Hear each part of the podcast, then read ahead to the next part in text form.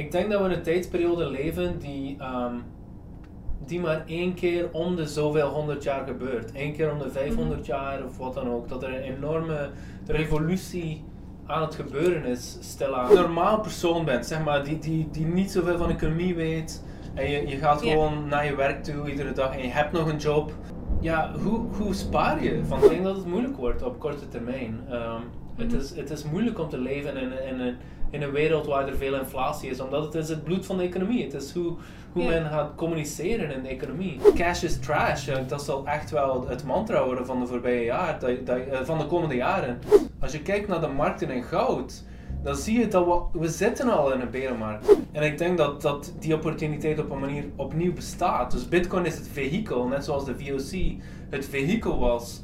En de nieuwe wereld zal een soort van virtuele wereld zijn. We zien een soort van ontgoddelijking van de centrale banken. Dus die, die goddelijke status zijn ze aan het verliezen. Commerciële banken die willen geld verdienen. En als er geld te Ja. verdienen valt met bitcoin of met cryptocurrencies, dan zullen zij dat gaan aanbieden. Op termijn gaat iedereen naar goud en bitcoin gaan springen. Als het nieuws breekt dat een centrale bank bitcoin koopt, dat zal Ja. gewoon, ja, dan, dan eh, all hell breaks loose. Dan is het echt, wauw. Ik denk dat men nog steeds in een ontkenning leeft dat, ehm, dat deze crisis niet enkel veroorzaakt is door de pandemie. Dat is denk Je luistert naar een podcast van Madelon Vos. Als je interesse hebt in economie, bitcoin of financiële markten, dan zit je hier goed. Ik maak namelijk al 9 jaar content over deze onderwerpen. En, leuk weetje, je kan me midden in de nacht wakker maken voor een mooie grafiek. Ik vind het geweldig om mijn kennis te delen met anderen en ik doe dit dan ook volop. In de vorm van video's op het YouTube kanaal Madelon Vos, in de vorm van cursussen op madelonvos.nl en via mijn Instagram stories. In Madelon Navigeert spreken we bekende economen, journalisten en topondernemers over geld, de economie en financiële vrijheid.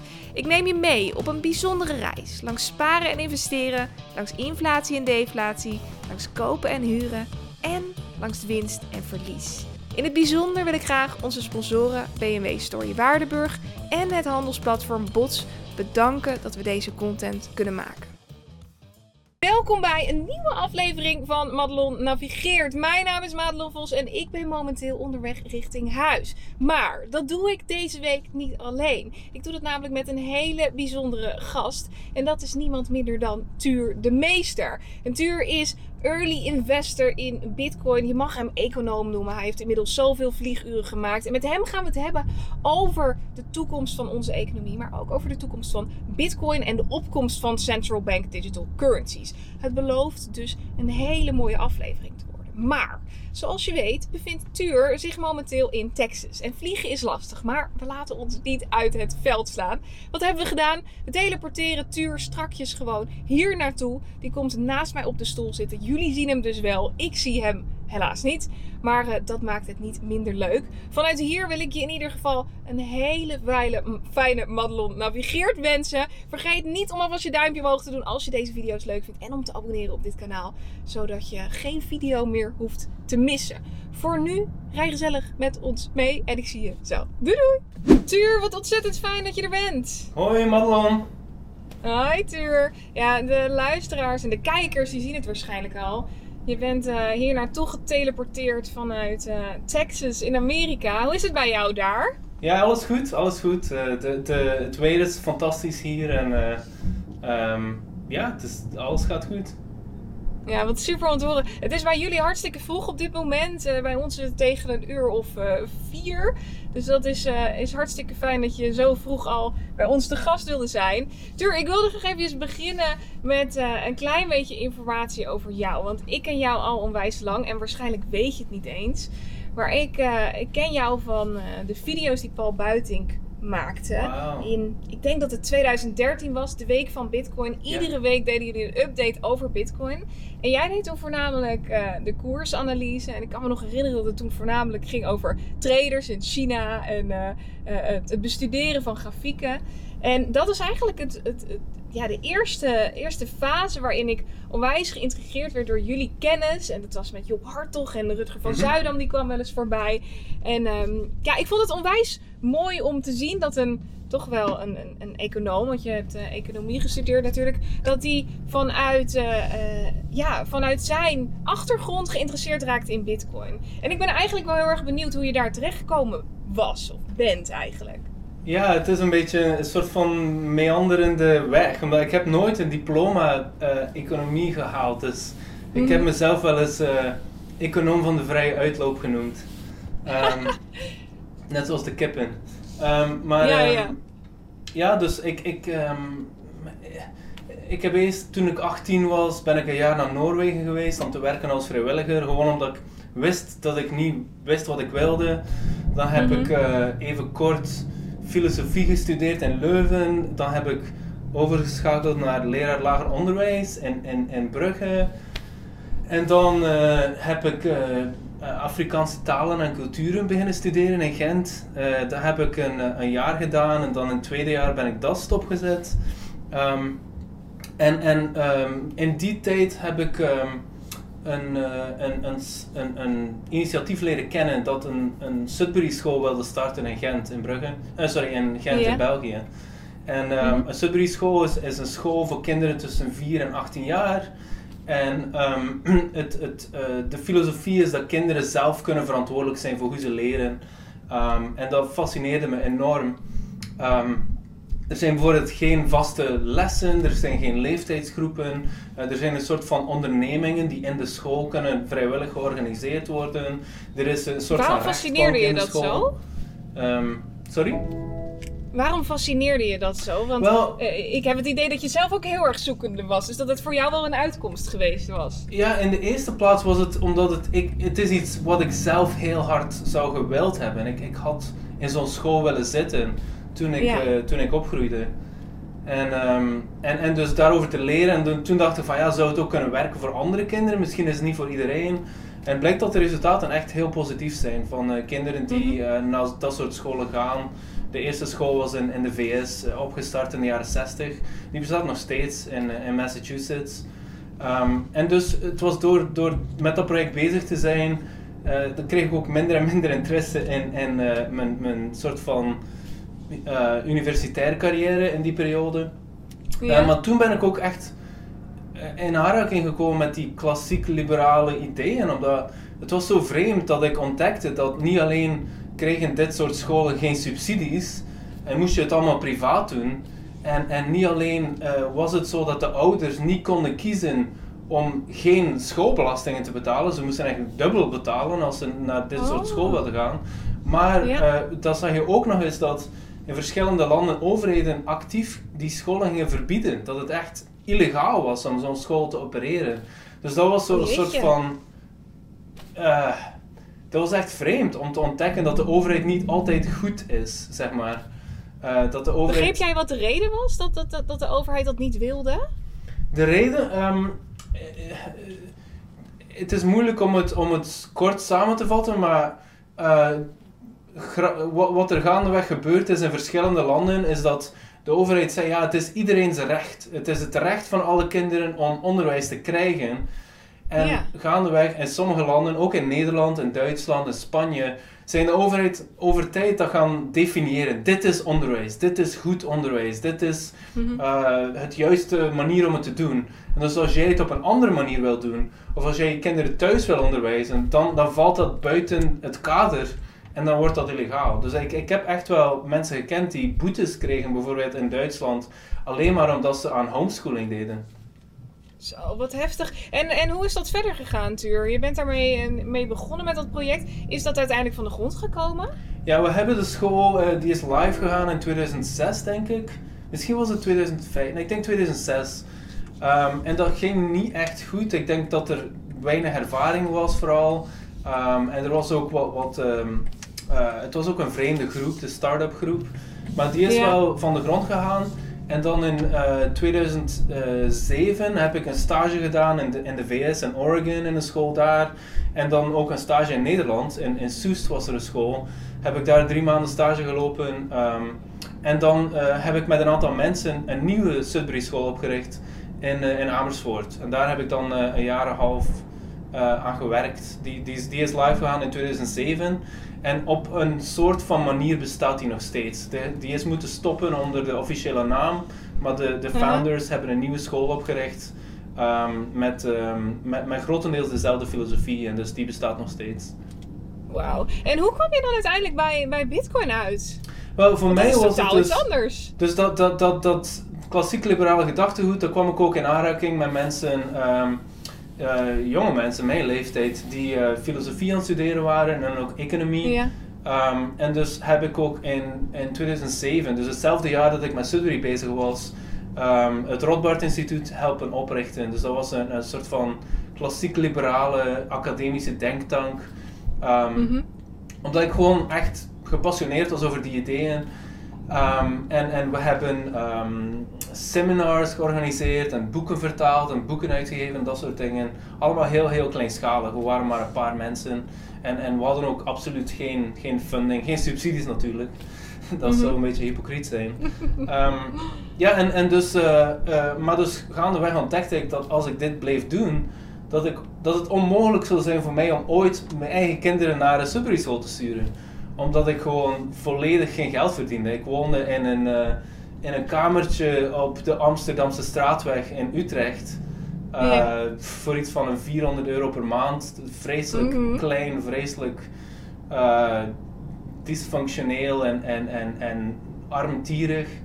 Um, en dus gaandeweg dacht ik van ik moet iets vinden om, om wat geld te verdienen. Dus uiteindelijk dacht ik van misschien met mijn kennis van de economie kan ik wel iets doen in de beleggingswereld of zo. Um, en dus gaandeweg ben ik dan een, een, een gratis nieuwsbrief gaan schrijven. En dan uiteindelijk heb ik een betaalde nieuwsbrief beginnen publiceren. Uh, heel... En waar ging die nieuwsbrief over? Ging dat al over bitcoin of was dat toen voornamelijk over beleggen en goud? Helemaal in het begin was het gewoon om te proberen de financiële crisis te begrijpen. Dus ik stuurde e-mails naar, naar Ah. vrienden en kennissen en, en uh, ik, ik postte dingen op. Toen, toen had je zo van die groepsbloggen. Het is moeilijk om, Ja. om te, uit te leggen wat dat was, maar het was een soort van... Mensen hadden een blog, maar dan kon je ook in groep een blog hebben. Dan werd het een soort van krant bijna. Dus daar schreef ik dan op. En dat was meer over actualiteit. En dan gaandeweg dacht ik van ja, wat, wat, wat, wat- hoe zit het met goud? Like, is dat iets interessant voor mezelf ook? En dan eh, uiteindelijk ehm, wilde ik in mijn nieuwsbrief alleen over goud schrijven. En toen zei mijn uitgever van ja, maar daar kan je geen geld voor vragen. Er moet iets meer zijn dan dat. En dus dan ben ik actief gaan zoeken naar wat zijn andere beleggingen eh, die ook interessant kunnen zijn als, als je dan echt op lange termijn naar een soort van reset gaat. Want dat, dat, ik was het eens met, met Willem Middelkoop dat we dus uiteindelijk een reset zouden zien. Dat niet alleen banken in de problemen zouden komen, maar dat we ook het geld, dat het geld op zich ook stuk zou gaan. Ja, dit was dus in het begin van eh, de crisis. Dit was in 2008, 2007. Ja, ik kende wat mensen die in 2007 het al, het al zagen aankomen. Dus, dus ja, het- ik denk dat mijn eerste, mijn eerste Austrian School boek heb ik gelezen. eh, dat was Human Action in, in 2005. Dus ik had wel wat achtergrond al. Zo. En, en dat was dus de crisis, om de crisis te duiden. Hoe ging dat verder? Want er is een moment geweest waarop jij dacht: hé, hey, dit is Bitcoin en dit is toch best wel interessant. Wanneer kwam dat moment? Ja, het is vreemd, omdat ik, ik, ik ben in 2000, ik denk in 2008, ben ik naar een, eh, een conferentie geweest van de Libertarian Alliance in Londen. En eh, de Ja. zoon van Milton Friedman eh, gaf daar een presentatie. Ehm, en dus dat was een soort van mishmash van een paar economen, maar dan ook Aubrey de Grey was there, eh, daar, eh, die, eh, die dus onderzoek doet naar onsterfelijkheid. Dus het is echt een vreemde collectie van mensen die allemaal libertair Ja. waren. En, ehm, maar dus de zoon van Milton Friedman gaf een presentatie over een soort van futuristische eh, cypherpunk wereld. En dus onder andere had hij het over ehm, assassination markets. Dus eh, een- een Mhm. markt waar je dus anoniem zou kunnen een moord plegen op iemand anders. Ehm, en dus dat, dat, dat lijkt me heel vreemd, maar hij dus beschreef een soort van virtuele munt die anoniem zou kunnen gebruikt worden. Maar dan, dan ben ik gewoon dat vergeten. Ehm, en dan uiteindelijk eh, was ik eh, in 2011 op reis in, in Zuid-Amerika, omdat ik dacht van ja, als het echt slecht gaat in Europa, we krijgen een soort van grote crisis. eh, misschien is het wel goed om, om, om wat meer te weten over Zuid-Amerika, over hoe je, hoe je leeft gedurende een crisis, maar ook van, ja, is het een plaats waar ik eventueel op lange termijn wil leven? Um, ja. En dus ik was daar in, in Buenos Aires uh, bij vrienden. En die, die wisten van Bitcoin, die hadden Bitcoin gemined in een, in een kelder, letterlijk. Uh, en die, omdat ze het niet konden kopen. Uh, het was onmogelijk om, om een account aan te maken bij Mt. Gox of, of uh, fiat geld te sturen over de grens. Dus daar heb ik de, de vroege Bitcoiners leren kennen in, Buenos Aires. En ik denk dat door die achtergrond, um, en ook omdat mijn ouders, die, die hadden zo'n vreemde een vreemde gewoonte om op reis te gaan naar landen die een beetje off the beaten path waren. We, zijn toen ik jong was op reis geweest naar Polen en naar Rusland, um, naar Litouwen, allemaal Turkije, landen waar er heel hoge inflatie was soms. Dus ik had wel een soort van achtergrond en weten wat, dat het echt wel realistisch is, dat geld echt wel stuk kan gaan. Dus ik denk dat al die dingen helpten om, om open te staan voor iets, iets als Bitcoin. Mm En wat was dan het moment waarop jij uh, uh, met Bitcoin daadwerkelijk in aanraking kwam? Je vertelde net over de pers of persconferentie over uh, de, het programma waar jij was en dat er toen gesproken werd over die assassination markets. Ging dat ook al daadwerkelijk over Bitcoin? Nee, want of dat ging was... dat puur over een anonieme virtuele valuta? Dat was twee jaar voordat Bitcoin bestond. Dus het, het, het idee bestond oh. al, maar het was nog geen werkelijkheid. Oh, wauw. En, en wanneer was het eerste moment dat jij uh, uh, dan daadwerkelijk met Bitcoin geconfronteerd werd? Ja, dus echt wel uh, door, door te praten met mijn vrienden in, in Argentinië. Dus toen ik daar was, ben ik ook naar een van de eerste Bitcoin meetups geweest. dat was in 2011. Dat was gewoon een barbecue en er waren vijf, vijf of zes mensen. en dan uiteindelijk ben ik dan naar, toen ik terugkeerde naar, naar Argentinië in 2000. 12, 13 was het, waren er opeens 100 mensen op de, op de meetup. En daar, uh, daar ben ik dan ook heen geweest. Ja, toen werd het ineens booming. Had je toen al door hoe groot het zou worden? Nee, helemaal niet. Uh, ik heb, in 2011 heb ik een, voor de nieuwsbrief, omdat ik er vroeg al beginnen over schrijven ben, heb ik een interview gedaan met Pieter Wuilen, uh, de, mm de core developer uit, uit België. Die nu in, hij woont al lang in de VS. Um, maar uh, dus hij heeft me dan de technische kant van Bitcoin uitgelegd. En, maar hij was ook heel voorzichtig dat het allemaal alpha software was, dat je heel voorzichtig moest zijn. Uh, in 2012 ben ik ook naar een uh, Bitcoin conferentie geweest in Londen. En, en daar had je allemaal programmeurs, ingenieurs, maar heel weinig mensen met economische achtergrond. En dus het was vreemd. het was echt het was moeilijk om in te schatten of het, of het lange op lange termijn zou zou lukken. Ook omdat ik, um, ik wist dat het geen scam was. Ik had een paar scams ontdekt. En ik wist dat dit, mm dit soort open source mentaliteit leek me echt niet dat het, het, het... Het enige wat het zou kunnen zijn is dat het gewoon dat er fout zit in de architectuur. Dat het echt wel fout zou kunnen gaan. Um, dus ja, het was heel moeilijk om in te schatten. Het potentieel was makkelijk om te zien, maar het was moeilijk om in te schatten of Bitcoin het zou kunnen doen. Denk je dat het voornamelijk uh, onder de aandacht gebracht werd in de Zuid-Amerikaanse uh, landen waar jij dan net over spreekt, omdat het daar economisch uh, niet zo voor de wind ging als in West-Europa? Ik denk dat het. Het is vreemd, omdat ik denk dat de, de, de, de zucht of de, de, het enthousiasme makkelijker toegankelijk is in Zuid-Amerika. Ik heb vaak, ook in Mexico, conversaties gehad met taxichauffeurs en, en door het idee dat je dus geld kan sturen met de klik van een muis zonder dat je aan iemand toestemming moet vragen over grenzen heen. Dat is heel aantrekkelijk voor mensen uit Zuid-Amerika. Die hebben vaak familie in Europa, familie in de VS. En het kost enorm veel geld om, om, om, om geld over de, de grenzen te sturen. Maar de technische kant is makkelijker toegankelijk voor, uh, zeg maar, een, een, een, een, een, een technisch onderlegd um, publiek, zoals in Nederland heb je veel programmeurs, in de VS, in, in, um, in Engeland en dan ook in, uh, in Israël. Dus die landen had mhm. je, had je meer uh, enthousiasme vanuit het technische aspect. En als we dat even eh, verplaatsen naar, naar het nu, het heden. Uh, als we kijken naar wat er momenteel gaande is. Ik weet nog dat uh, wij elkaar in maart spraken bij de CryptoCast van BNR.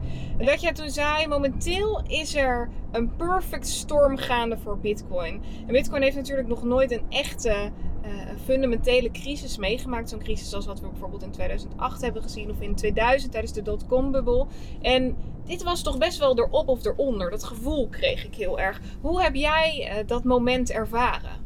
Wat bedoel jij met erop of eronder? Voor bitcoin of voor, voor wat? Ja, ja, voor Bitcoin. Voor mij was het, was het echt een gevoel van. Ehm, nou, nu moet het wel gaan gebeuren. Dit is het moment waar we al die tijd op gewacht hebben. Gaat Bitcoin daadwerkelijk stand houden? En gaan we nu ook meer richting Bitcoin manoeuvreren doordat men doorheeft dat het onderliggende uh, systeem uh, fundamentele gebreken heeft? Ja, ja ik daar ben ik mee eens. Dat was het echt wel. Het was echt wel um, het moment. Omdat in 2017 zou je kunnen zeggen, was het meer een soort van retail mania. En dus we zaten in, in, in maart in het equivalent van misschien 2003, als je kijkt naar de dotcom analogie, dan, dan alle bedrijfjes waren heel laag gewaardeerd, er waren veel faillissementen. En, en zou Amazon overleven, zou Google het overleven? Uh, Het was echt wel do or die. Dus ja, ik ben het echt wel mee eens. En, en we hebben gezien dat, um, dat uh, de QE niet weggegaan is, dus het geld wordt allemaal mm -hmm. bijgeprint. Um, ik denk dat dat, dat, het waren vooral de macro um, aspecten die mij overtuigden, omdat ik al lang overtuigd was van het potentieel van Bitcoin. Uh, maar om, om die stap te zetten van fiat naar Bitcoin, moeten veel mensen heel veel pijn lijden eerst. Um, er zijn maar weinig mensen die gewoon uit technisch enthousiasme de stap zullen zetten. En dus dat, dat is mhm. echt wel de waarheid geworden, denk ik, in, in de voorbije maanden. En heb je nou daadwerkelijk het gevoel dat die, dat die Perfect Storm al uitgeraasd is? Of is die nog steeds bezig? Nee, nee, nog, nog helemaal niet uitgeraasd. Nee, ik denk dat we. We hebben nog nauwelijks inflatie gezien. Uh, We zitten nu in de, in de VS, dollargewijs, zitten we misschien op 10% inflatie per jaar. Misschien het, dat, dat, is de voorbije vijf jaar. Misschien het voorbije jaar is dat gesprongen naar 15% of zo. Natuurlijk niet de, de officiële CPI-inflation, maar als je echt kijkt naar uh, cost of living en dat soort dingen. Uh, dan, dan, en het, het wordt natuurlijk gecompenseerd door een stuk omdat uh, de olieprijs gedaald is, dus dat, dat maakt het leven ietsje goedkoper. Maar over tijd zullen we veel meer inflatie gaan zien en dat, dat is denk ik een van de grote drijfveren die, die nog moet komen. Heb jij het gevoel dat Bitcoin momenteel meer nodig is dan ooit? Ja, tuurlijk. Ja, ja. Ja, omdat het ook. En, en... Mensen, mensen hebben. Hoe, hoe, als je een normaal persoon bent, zeg maar, die, die, die niet zoveel van economie weet. En je, je gaat gewoon naar je werk toe iedere dag en je hebt nog een job. Um, ja, hoe, hoe spaar je vandaag de dag? Hoe, hoe ga je sparen? Je kan geen obligaties meer bezitten. Uh, cash is natuurlijk trash, dat, dat, dat, dat, dat, mm -hmm. dat houdt geen steek. Uh, misschien uh, ja, aandelen, maar dan welke aandelen? Omdat sommige, de economie doet het vreselijk slecht, dus sommige bedrijven zullen zeker failliet gaan over tijd. Dus wat, wat, wat voor aandelen moet je dan bezitten? En dan heb je steeds stijgende belastingen. Dus als je springt van, van het ene aandeel naar het andere, als je dat probeert te doen met active trading, dan kan je ook gewoon heel veel pijn gaan leiden belastingsgewijs. Dus het is mhm. enorm moeilijk om, voor mensen om te beslissen, omdat we eigenlijk geen gezond geld meer hebben. In de 19e eeuw en daarvoor, dan kun je gewoon sparen in, in, zeg maar in gouden munten of in certificaten van goud. En dan hoef je niets van de economie te weten om echt te kunnen sparen. Op, op een soort van realistische manier. Dat, bitcoin voor jou dan uh, uh, meer een manier is om te betalen? Of zie jij bitcoin meer als een store value? Het is een, het is een start-up currency. Het is het geld evolueert in, in verschillende stadia. En, en de eerste fase is een soort van een verzamelobject, gewoon iets, iets heel subjectief. En dan de tweede fase is de store value, dus daar zitten we nu in. Dus mensen hebben het omdat het de waarde behoudt uh, op lange termijn. En dan de derde fase is pas waar het gaat uh, dienst doen als een ruilmiddel. En dan de laatste fase is waar, waarin mensen gewoon denken. Mensen gaan denken in bitcoin, net zoals in Europa mensen denken in euro's of, of in gulden. Uh, ja, als rekenmiddel. Ja, dus het is gewoon een kwestie van tijd dat het echt geld wordt. Uh, maar het is mm -hmm. niet contradictorisch om te zeggen, ja, ik heb het nu als spaarmiddel, uh, maar ik geloof er ook in als geld of zo. En als we dan kijken naar de positie van goud in dit geheel, uh, hoe zie jij dat? Want ik weet dat jij uh, in, een, in een ver verleden goud ook een, een fantastische asset vond. Vind je dat nog steeds? Wel, ik vind goud nog steeds echt interessant en ik wil, ik wil goud hebben. Uh, ik denk dat het belangrijk Mhm. is. Um, het, is. Het heeft een geschiedenis van meer dan 6000 jaar als, als een soort van store of value. Um, maar ik moet zeggen, onlangs zag ik het, uh, een van de interviews met Michael Saylor, de, de MicroStrategy CEO, die een Mm -hmm. epic amount of bitcoin gekocht heeft. Um, ja. En, en hij had het argument dat, uh, dat voor alle commodities, dus alle grondstoffen in de wereld, dat er een soort van communicerende vaten um, dynamiek is. Uh, als het gaat over aan de ene kant de prijs en aan de andere kant de supply, de productie. En dat met bijna alles het zo is dat als er meer vraag komt, dat er ook meer aanbod komt. En dat, dat de prijs in controle gehouden wordt daardoor. En dus ja. hij, zei, hij zei van ja, als je nu voorstelt dat goud opeens vijf keer meer waard wordt, of tien keer meer, of twintig keer meer waard wordt, dan ga je dus een enorme boom krijgen in gold mining. En dan kan de goud supply springen van misschien een half procent of 1% per jaar. Uh, meer goud, dus goudinflatie zeg maar, dan zou dat kunnen springen naar 3, 4, 5 procent. Um, wat dat dan weer de, de prijs kan gaan dempen, omdat je nieuw goud hebt die op de markt komt. En dat vind Mhm. ik wel een interessant uh, argument, omdat het inderdaad waar is. We kunnen, gold, we kunnen goud gaan mijnen in de oceanen bijvoorbeeld, wat nog nooit gebeurd is. Of op asteroïdes en dat soort dingen. Als de goudprijs Ja, maar hoog genoeg is, kunnen we dat gaan doen. Terwijl bitcoin Ja. echt wel een hard cap heeft. Er zullen nooit meer dan 21 miljoen zijn. Dus, dus uh, ik ben niet tegen goud. Ik denk dat het nog steeds interessant is. Uh, dat, de, dat de inflatie enorm veel lager zal zijn dan dollar- of euro-inflatie. Mhm. Uh, maar het betekent niet dat het het beste geld wordt voor de komende 100 jaar. En kijkend naar uh, MicroStrategy, je had het er net al even over. Een investment van 425 miljoen dollar uit mijn hoofd. Uh, ook de CEO zelf heeft iets van 125 miljoen dollar geïnvesteerd.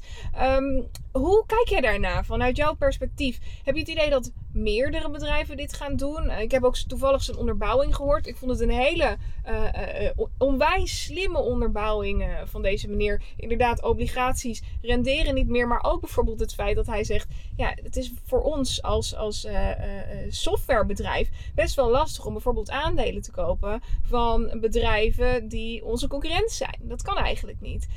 Um, en ik vond het, ik vond het, een, het was een interview met Raoul Paul. Ik vond het een hele mooie uh, argumentatie. Maar ik ben benieuwd naar hoe jij daar uh, naar gekeken hebt. Ja, ik denk dat het het begin is van een, een paradigma-wissel. Dat we echt wel op, op, op, op de rand zitten van een grote mentaliteitsverandering. Um, en dat het idee dat je dus dat, um, dat obligaties zero risk zijn, dat dat de deur uitgaat. Dat echt, dat zag je al de voorbije vijf jaar. Dat uh, ultra high net worth people, dus mensen die echt wel familie uh, welvaart hebben, die, die zeg maar 50, 100 miljoen, dat soort dingen. Die mensen waren heel avers aan het worden van uh, dus het slimme geld, zeg maar, van obligaties. Mhm. Maar het duurt een tijd voordat langzaam door, um, door, doorgestuurd wordt naar de, de, uh, de bedrijfswereld. Omdat er daar meer conservatisme is, je hebt daar ook meer carrière-risico en dat soort dingen. Um, maar cash is trash. Dat zal echt wel het mantra worden van de voorbije jaar, dat, dat, uh, van de komende jaren.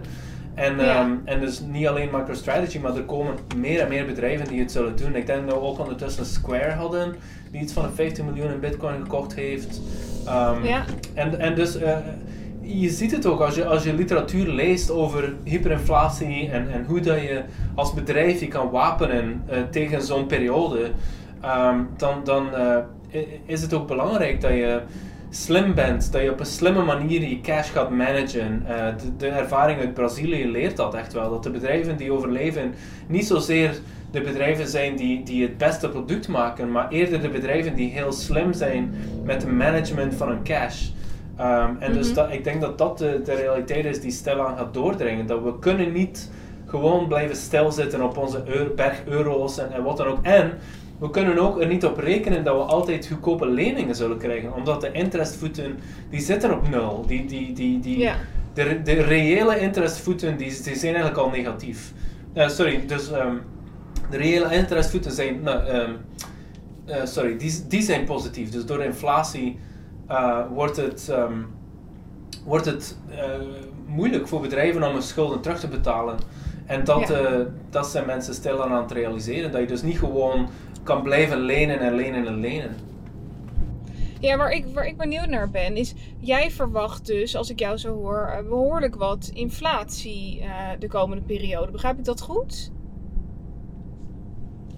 Want dat is nu nog niet echt zichtbaar, behalve dan op de eh, financiële markten, op de huizenmarkt. Maar echt daadwerkelijk in, in de winkel, in de supermarkt, valt het relatief gezien nog behoorlijk mee. Ja, ik denk, ik denk dat dat klopt. Ik denk dat een van de redenen is waarschijnlijk dat, eh, dat ehm, de, de consumptie is gedaald. Ehm, dus dat, dat houdt waarschijnlijk de prijzen een beetje in check.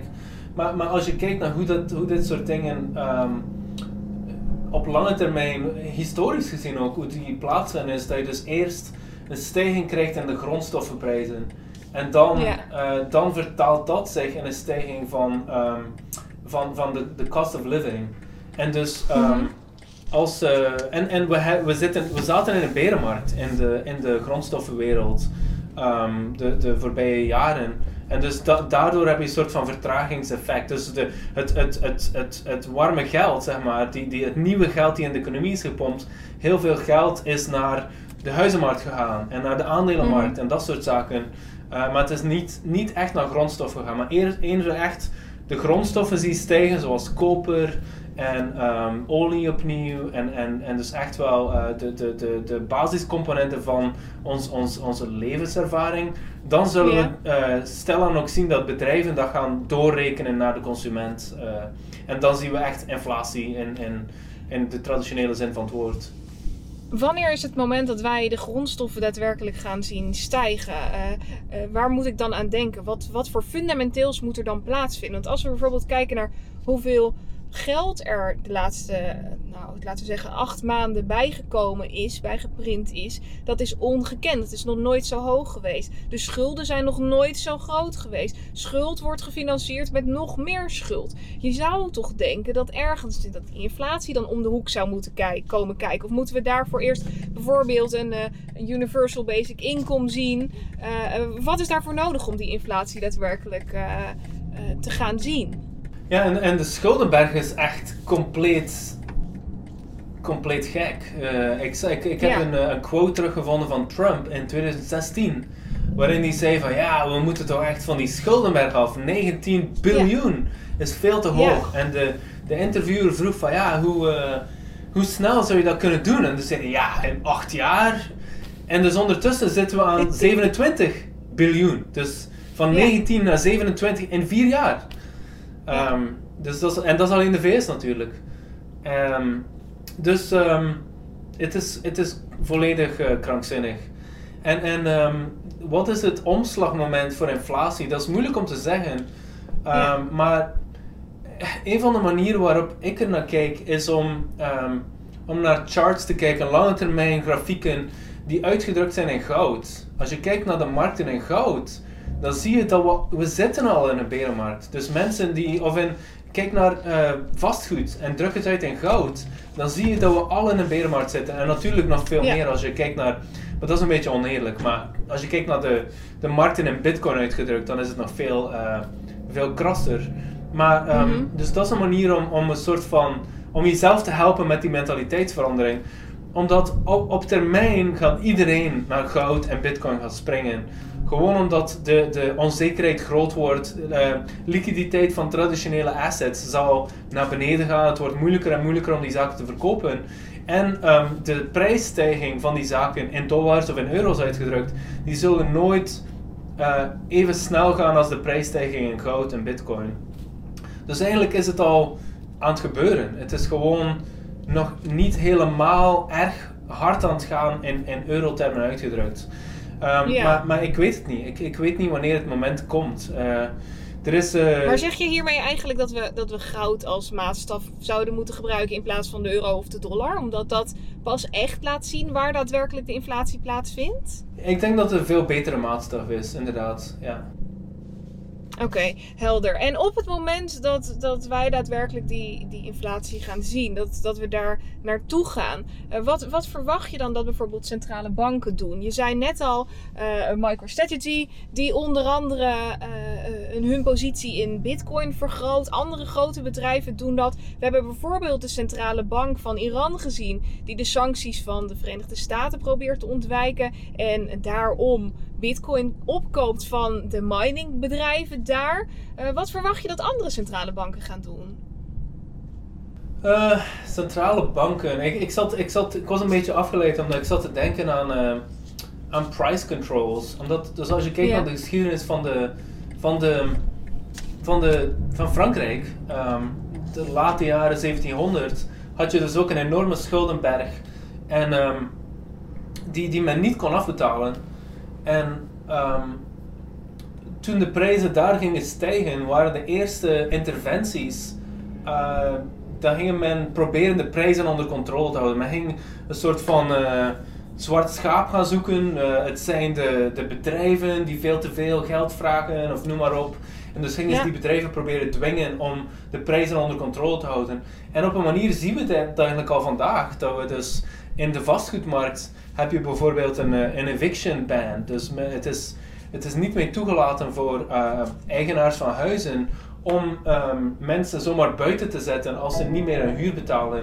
Dus dat is een soort van price control. En natuurlijk ja. ook het, het, het, opkopen van obligaties, dat is ook uh, een, een, indirecte manier van price controls. Um, dus dus uh, ik, zat gewoon, ik was gewoon afgeleid, omdat ik denk dat dat een van de, de, de, de volgende tekenen zijn. Dat we meer en meer interventie krijgen van de overheid in de economie om krampachtig te proberen alles te fixen op korte termijn.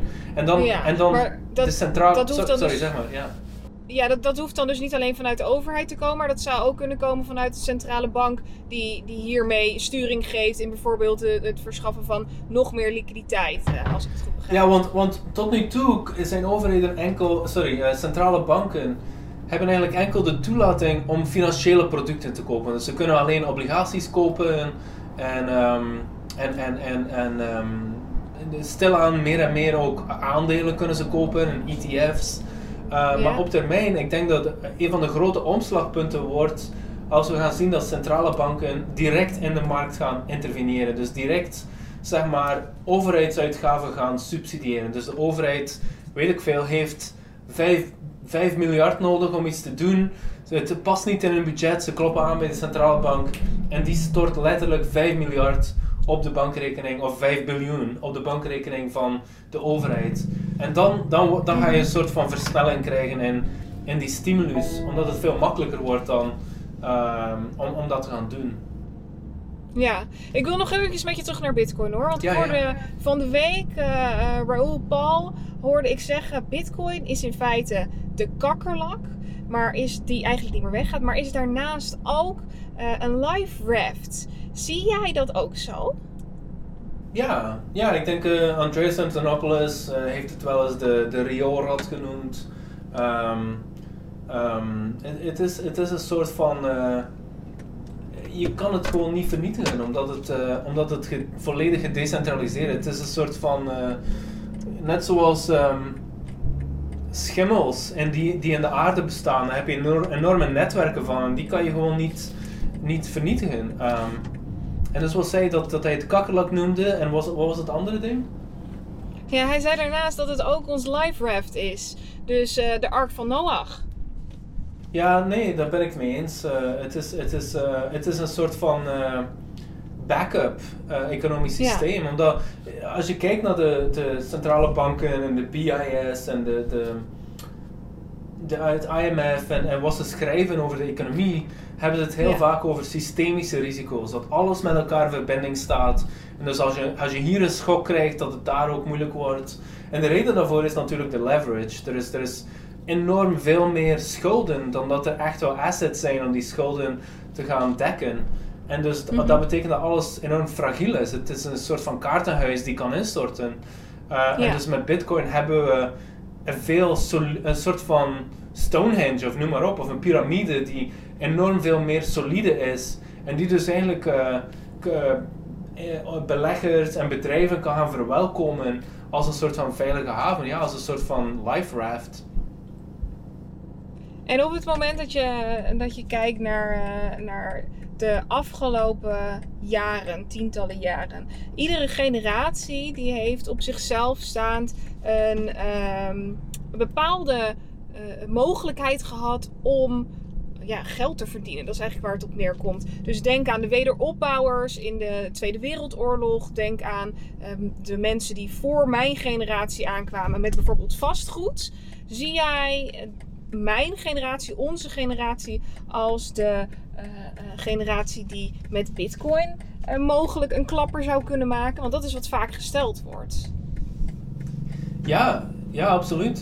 ik, ik, de, de analogie die voor mij het meest steek houdt in, in, in termen van echt macro en lange termijn is de, de, de analogie met de, de protestantse reformatie. Dus die, die periode waarin mensen gingen het monopolie van de kerk in vraag stellen en, en ook ehm, meer en meer gingen handel drijven via de oceaan en via water. Waardoor ze dus heel veel interventie konden gaan omzeilen.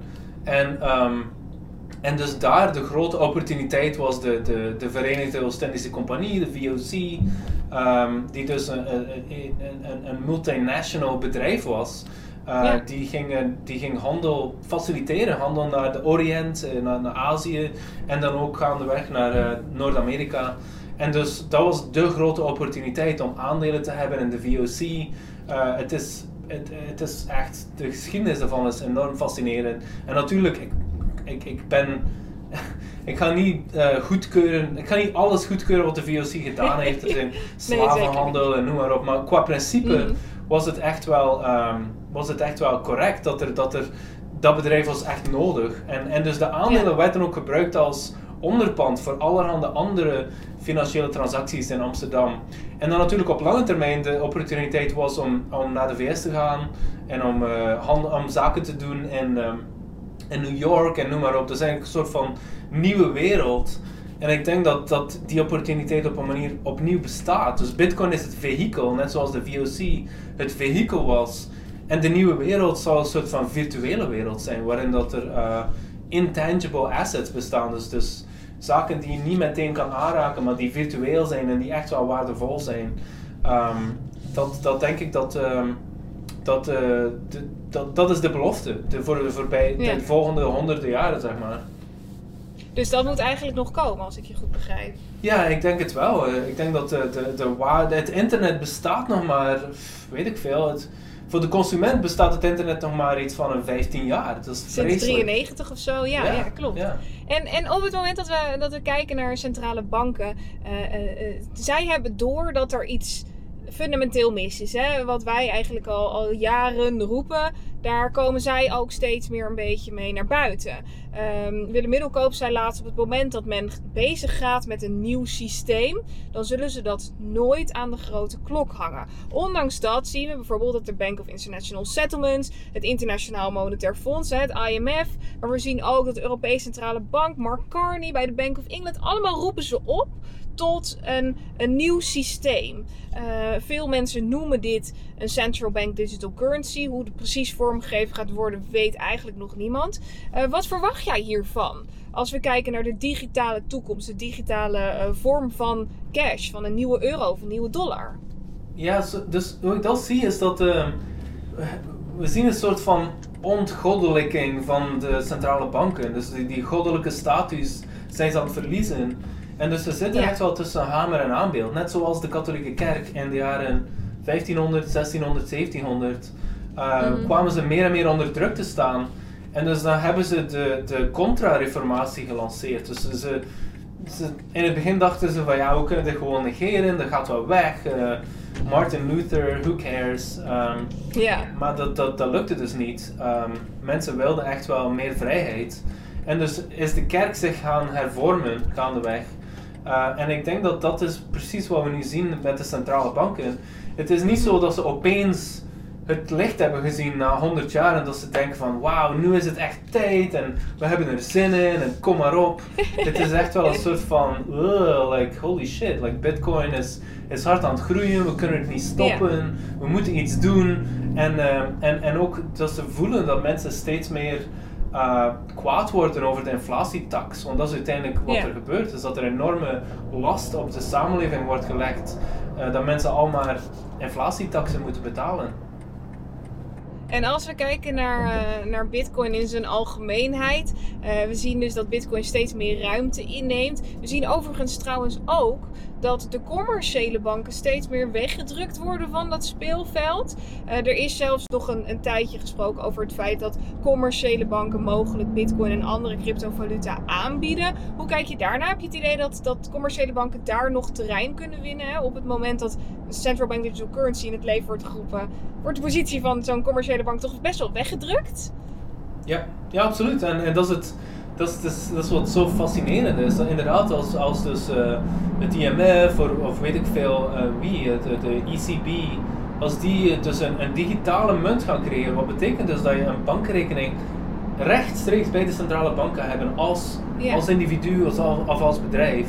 En dus dat je die, die tussenstap van uh, de commerciële bank gaat overslaan wat grappig is, omdat dat is net de belofte van Bitcoin, is dat je dus de middleman kan gaan overslaan. Juist weggehaald, ja. Ja, en, en dus eens dat gebeurt, en, en dan heb je dus als, als, als commerciële bank, ja, wat moet je nu doen? Je, zit, je, zit, je bent al aan het verdrinken in regulatie. Er is zoveel bureaucratie in de bankwereld.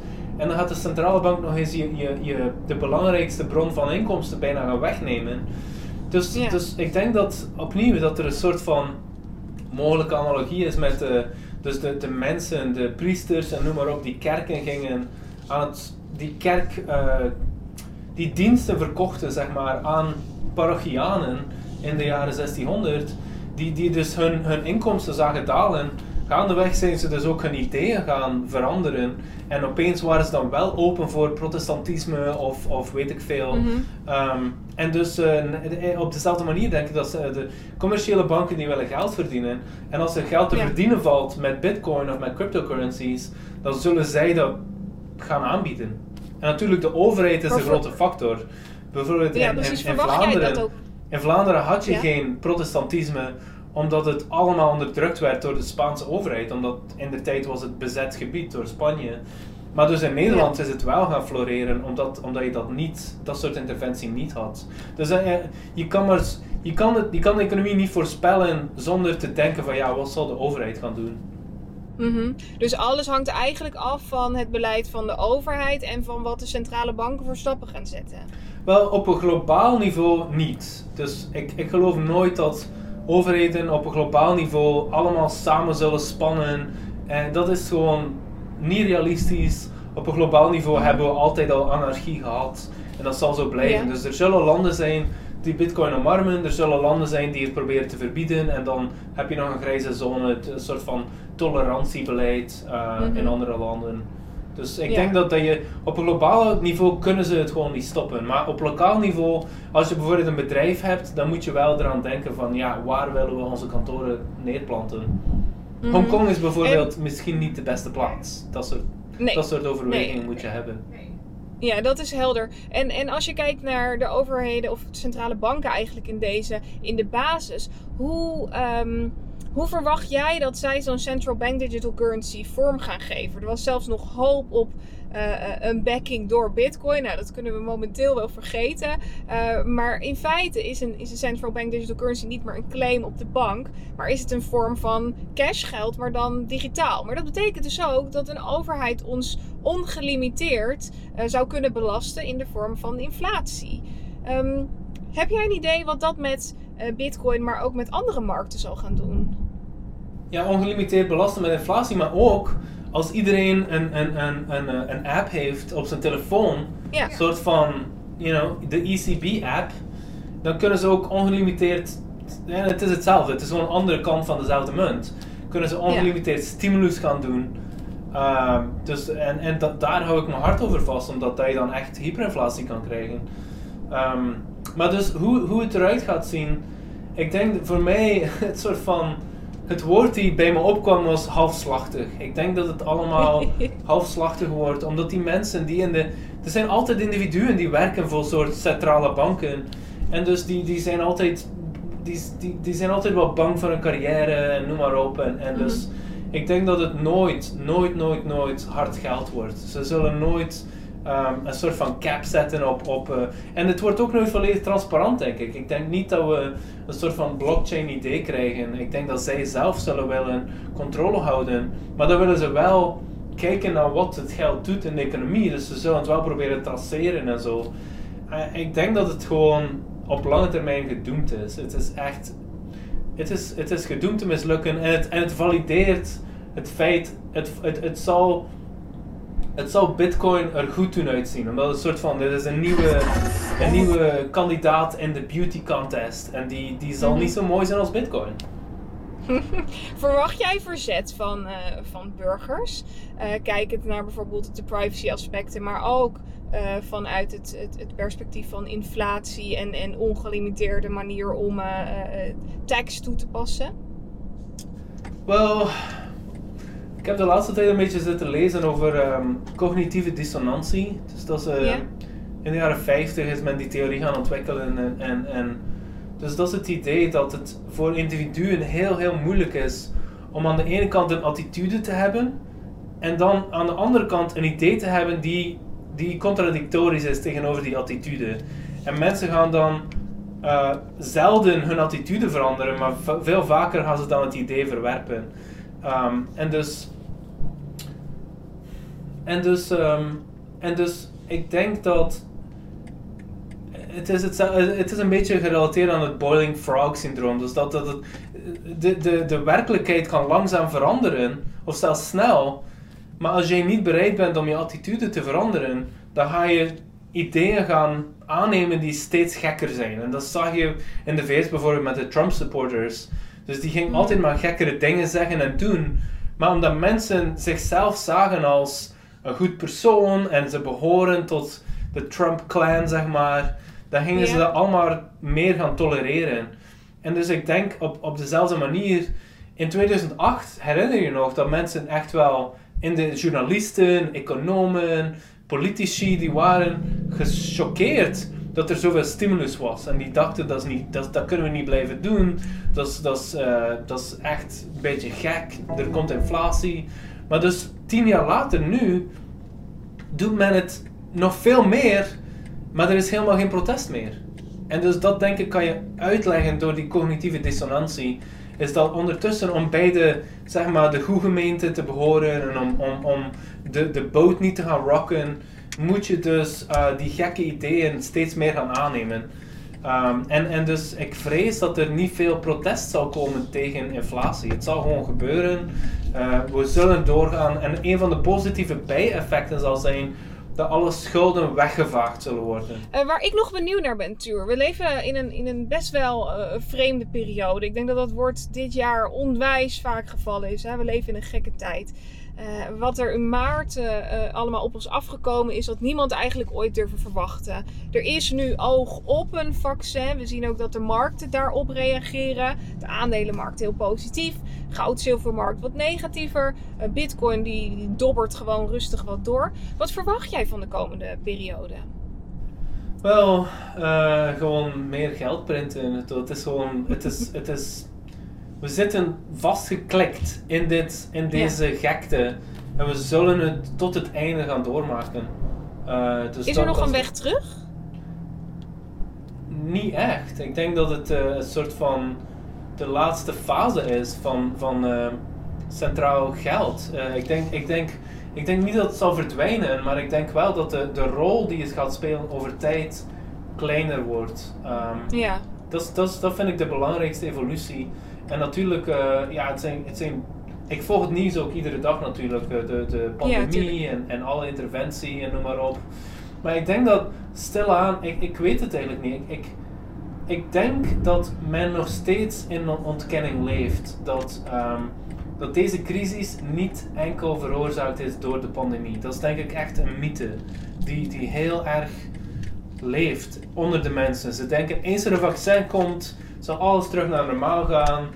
We Ja, dat is in ieder geval wat we op de financiële markten zien. Ja, en, en ik denk dat dat is. En, maar, dus ik denk dat we een crash zullen zien in financiële markten, ehm, maar misschien niet in euro uitgedrukt of in dollars uitgedrukt. Dus dat is een beetje vreemd. Dus ik denk in dollartermen zullen we blijven rallyen. Ik denk in eurotermen zullen we blijven rallies zien. En misschien krijgen we wel een correctie van 20, 30 procent op korte termijn. Mhm. Maar door de inflatie kunnen we dus. En dus het wordt steeds meer verwarrend om te kijken naar de markten uitgedrukt Ja. in euro's of dollars. In dollars. Ja. ja. Dus eigenlijk zou je dan de markten inderdaad moeten uitdrukken in goud of misschien zelfs wel in bitcoin om duidelijk te kunnen krijgen, of duidelijk beeld te kunnen krijgen van wat die inflatie daadwerkelijk is. Dus er komt ook een moment waarop we dan gaan zien dat het, het, het voedsel beduidend duurder gaat worden. Is dat dan het moment waarop de, Euro, eh, eh, de eh, Central Bank Digital Currency haar intrede doet? Gaan we dan zien als, als er geld gedistribueerd wordt via bijvoorbeeld de Europese Centrale Bank dat die inflatie oploopt en dat we echt daadwerkelijk die echte tikken krijgen? Ik denk dat we op een soort van. ehm, een soort van parabolische curve zitten.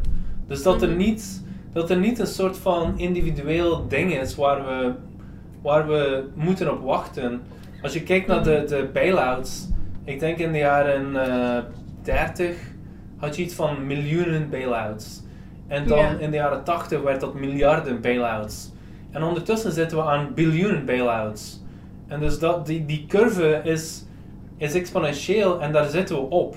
En ik denk dat, dat we geen digital currency nodig hebben om, om stimuluspakketten te hebben van 10 biljoen ehm, of 100 biljoen of 1000 biljoen. Ik denk dat dat niet nodig is. Dus, dus ik denk dat het eh, een, beetje, een beetje over. Dat mensen in- de Bitcoin-wereld een beetje te veel te zitten te staren naar eh, die digital currencies. Om, Mhm. maar aan de andere kant natuurlijk, als het nieuws breekt dat een centrale bank Bitcoin koopt, dat zal gewoon, ja, dan, dan eh, all hell breaks loose. Dan is het echt, wauw. Maar is dat niet in feite wat, wat de centrale bank van Iran nu bijvoorbeeld doet? Of stelt dat eigenlijk niet zoveel voor omdat Iran natuurlijk die sancties heeft en een, een, een munt heeft wat, wat compleet aan inflatie is onderheven? Wel ja, dat is, dat is eigenlijk een soort van manier om het te doen en toch te lijken alsof je het niet echt doet. Is om, om bijvoorbeeld ehm, belastingen te innen van bitcoin Ja. miners en dan houd je gewoon de bitcoins bij. Dan heb je van, oh ja, ik, we zijn gewoon vergeten om het te, te verkopen of zo. Of eh, net zoals de VS, die heeft nu, eh, ik herinner me niet meer hoeveel, maar heeft dus een, een, een hoop bitcoin eh, aangeslaan van iemand die blijkbaar geld had gestolen van de Silk Road, dus bitcoins had gestolen. En dus de vraag is, zal, zal de DOJ dat verkopen of zullen ze het gewoon bijhouden deze keer? En dus ik denk dat we dus langzaamaan dat soort dingen zullen zien, waarop ze, waarbij ze dus niet echt actief gaan kopen, maar het eerder vergeten te verkopen, zeg maar. Mhm. Ziet, de, ziet de toekomst in jouw ogen er positief uit? Kijkend naar wat er nu allemaal gaande is, kijkend naar de financiële markten. Dat jij in 2005 al een inschatting maakte van eh, eh, de, de catastrofe die er in 2008 op ons af zou komen. Hoe, hoe kijk jij nu naar de huidige situatie? Ehm, het is moeilijk om het samen te vatten, positief of negatief. Ja. Eh, ik, ik, ik denk dat we in een tijdsperiode leven die, ehm, die maar één keer om de zoveel honderd jaar gebeurt. Eén keer om de 500 jaar of wat dan ook. Dat er een enorme revolutie aan het gebeuren is, stilaan. En, ehm, en, en het is moeilijk te zeggen dat het. Ik denk op de lange termijn is het heel positief, maar het kan. Ik denk dat het moeilijk wordt op korte termijn. Ehm, het, Mhm. is, het is moeilijk om te leven in, in, een, in een wereld waar er veel inflatie is, omdat het is het bloed van de economie. Het is hoe, hoe men gaat communiceren in de economie. Ehm, en ik denk ook dat, eh, dat men eh, zwarte schapen zal zoeken om, om de schuld te geven aan deze groep mensen of deze groep mensen. Ehm, en dus dat zal niet fijn zijn voor, eh, voor veel mensen. En dus ik probeer zelf flexibel te zijn in mijn denken. Ik probeer flexibel te zijn praktisch gezien, zodat ik, ik kan verhuizen als ik wil. Dat Mhm. soort zaken. Eh, maar aan de andere kant, ja, denk ik dat het hoog nodig is dat we meer privacy krijgen, dat we meer eh, autonomie krijgen voor individuen om zelf te beslissen waar, hoe je financiële toekomst eruit ziet, hoe je data bewaard wordt, ehm, ehm, al dat soort zaken. Ehm, en dus ik, ik, ik, ik, ik denk dat het gewoon op een manier, het is gewoon. We leven in deze periode en als je je aanpast aan de realiteit, dan denk ik dat je een enorm rijk leven kan leven, leiden. Ik Mhm. bedoel niet alleen financieel, ik bedoel als je, als je, als je aanvaardt wat er aan het gebeuren is. ehm, maar als je het ontkent, dan denk ik dat het heel, heel moeilijk wordt. Voordat wij richting het einde gaan eh, van deze video, heb ik nog, eh, nog één vraag voor je. Of eigenlijk nog twee vragen voor je. Eh, jij gaf aan, we kijken natuurlijk volop naar kansen. En jij gaf mij aan toen we eventjes dit voorgesprek deden, dat er iets moois staat te gebeuren. Of althans iets moois, iets interessants staat te gebeuren. En dat was onder andere met een, een levensverzekering gebaseerd op bitcoin. Kan je me daar wat meer over vertellen? Aha, ja, dat is mijn stokpaardje de voorbije maanden. Ja. Ehm, ja, dus ehm, een van de zaken die gebeurde in, in, in Nederland, in, dus 500 jaar geleden met de, de reformatie en dus eh, al die geuzen die samen gehokt zaten in die, eh, ja, weet ik veel, de overstromingslandschap in, in, ehm, in Nederland.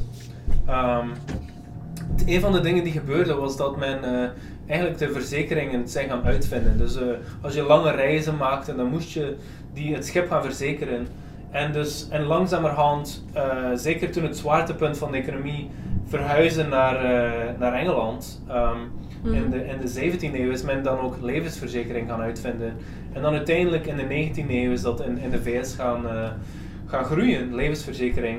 En dus het is eigenlijk het idee dat je niet alleen ehm, dat je risico kan verzekeren, niet alleen als het gaat over je huis, die kan, brand, die kan ehm, in brand vliegen of eh, bezittingen die kunnen gestolen worden, dat soort zaken. Je kan dus ook het risico op je eigen overlijden gaan verzekeren.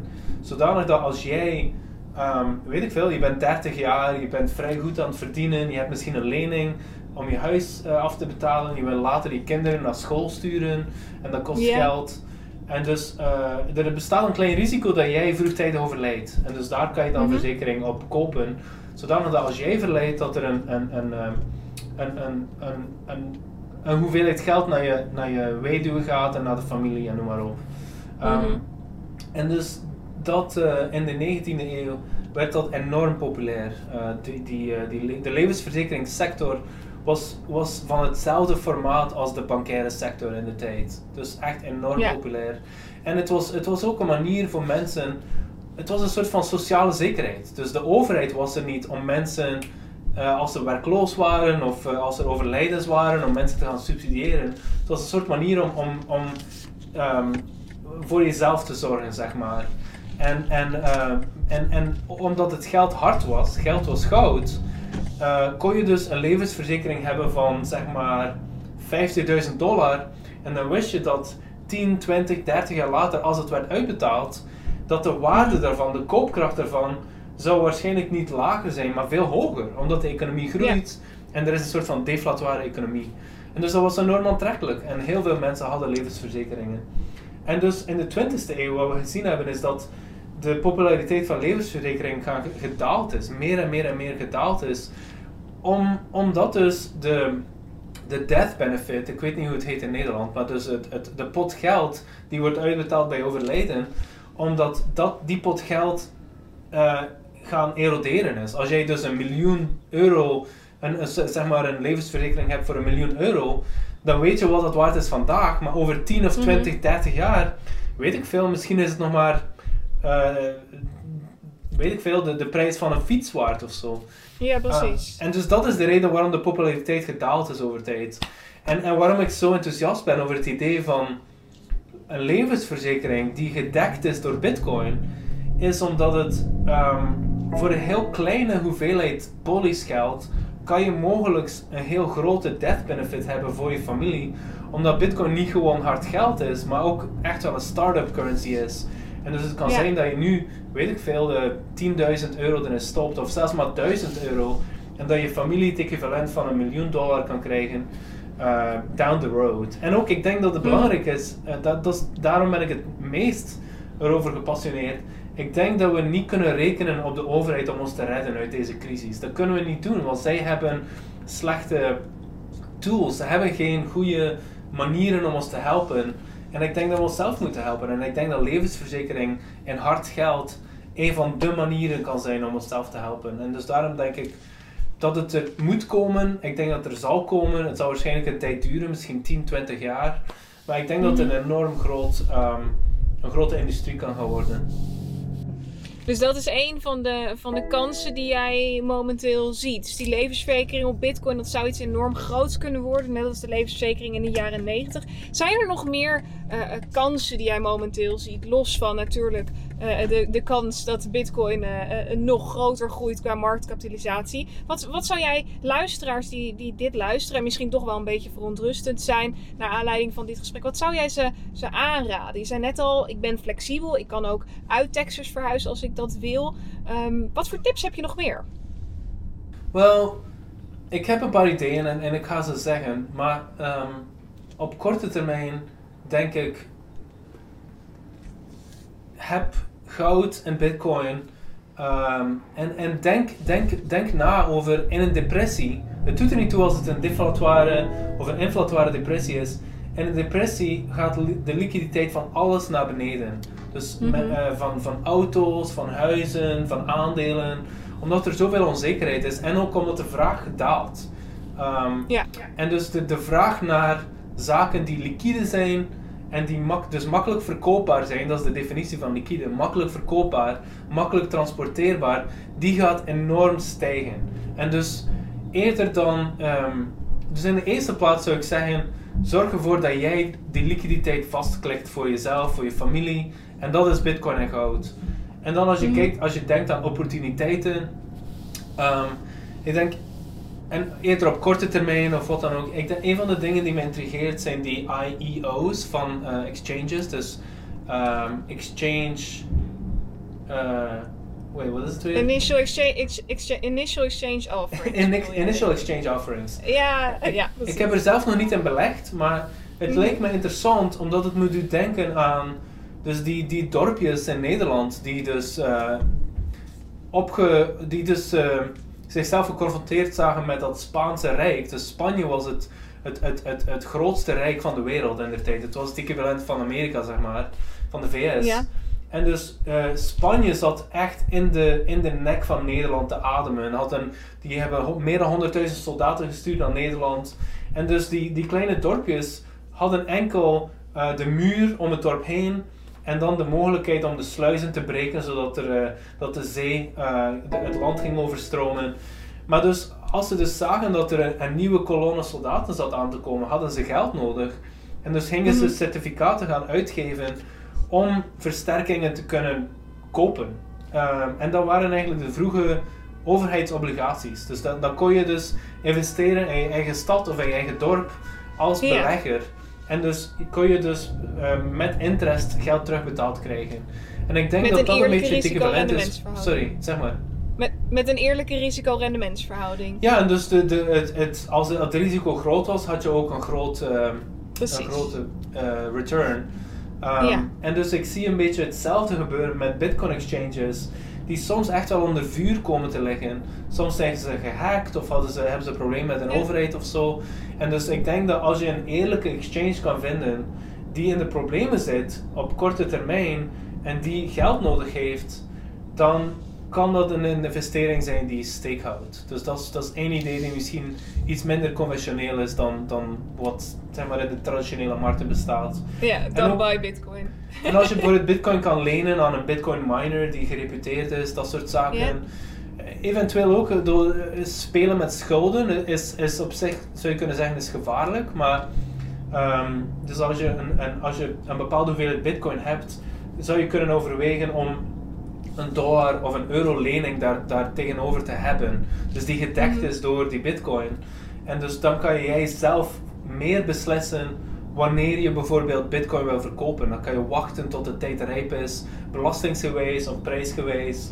Um, en natuurlijk als je, als je echt niet risico-avers bent, zou je kunnen die dollars gebruiken of de euro's gebruiken om in iets nieuws te gaan investeren.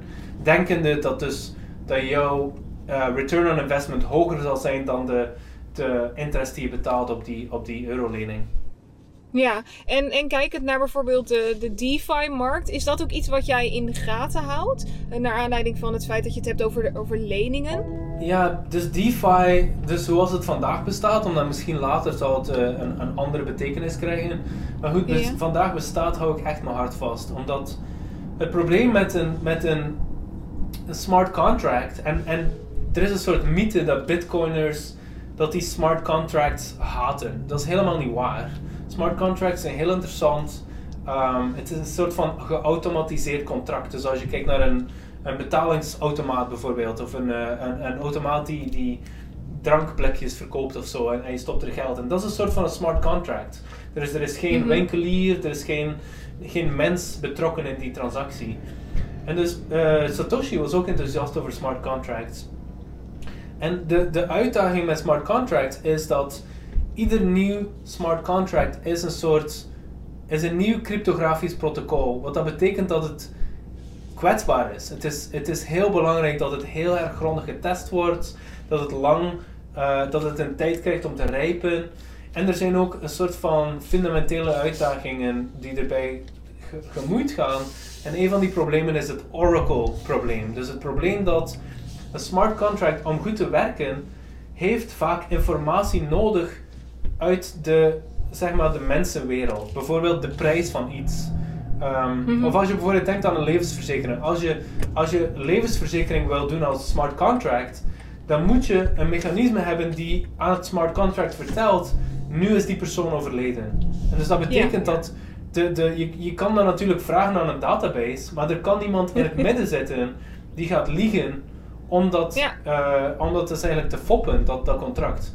En dus ik denk Ja. dat de, de huidige generatie van, van DeFi, van smart contracts, dat die in de eerste instantie vaak helemaal niet gedecentraliseerd zijn. Dat is gewoon een soort van, net zoals blockchain een buzzword was in 2017, Ja. DeFi is een buzzword vandaag. En dan Ergens is dus anderzijds dat er veel van die nodig. contracten ook niet voldoende geaudit zijn. Dus dat er groot risico bestaat dat mensen het gewoon kunnen gaan plunderen. Dat hackers Ja. die contracten gaan plunderen. Dus ik ben, ik ben vo- voorlopig af... Als ik, sorry, sorry, als ik spreek over IEO's, heb ik het eigenlijk over vrij ge- gecentraliseerde tokens. Ik, ik ben niet... Mhm. Ik wil niet echt. Ik wil, als het van een bedrijf is die reputabel is, vind ik dat waarschijnlijk wel oké voor een kleine hoeveelheid geld. Maar er zijn veel, Ja. veel mensen die zeggen: wij hebben een gedecentraliseerd project. En als je echt naar de, de, de details kijkt, is het helemaal niet gecentraliseerd, gedecentraliseerd. Helder. Dus eigenlijk zeg jij omdat er een persoon in het midden zit die altijd zou moeten aangeven: eh, dit huis is verkocht of eh, deze persoon is overleden of iets dergelijks. Daardoor krijg je dat men denkt dat het decentraal georganiseerd is, maar dat dat dus eigenlijk niet het geval is. En dat maakt die DeFi-producten dus ook weer gevaarlijk. Begrijp, begrijp ik dat goed? Eh, een beetje wel, ja. Ik zou zeggen, het kan dat iets echt gedecentraliseerd is, maar Mhm. dus die, die, eh, het, het, het, het, de plaats waar dus die informatie moet binnenkomen, dat is een zwakke plek in het systeem. Ja. Dat kan worden aangevallen. Dat is de, dus als je wil googlen, smart contracts, Oracle problem. Dat is en het is een heel geken- gekend probleem in de, in de, de cryptografische wereld. Helder. Tuur, het begint hier ondertussen al een beetje eh, schemerig te worden. Al dan niet donker. Het is hier eh, vijf voor vijf momenteel. Ik, eh, ik vraag me af of wij alle belangrijke onderdelen die we eigenlijk zouden moeten bespreken, besproken hebben. Of dat jij nog bepaalde tips hebt of bepaalde onderwerpen van je denkt, dit moeten we nog eventjes vertellen aan de kijker. Ik zou zeggen, eh, een van de belangrijke dingen voor deze rally. Ik denk echt dat dit het prille, prille begin is. Ik weet dat het vre- vre- vreemd lijkt, omdat we hadden Bitcoin op iets van een 3500 dollar. eh, nog niet zo lang geleden. Ondertussen zitten we op 15.000. Maar ik denk echt dat dit het eh, prille begin is. Als je kijkt naar Google searches, als je kijkt naar. ehm, wat was het andere weer dat ik zag? Ehm, hoe vaak Bitcoin vermeld wordt in de media.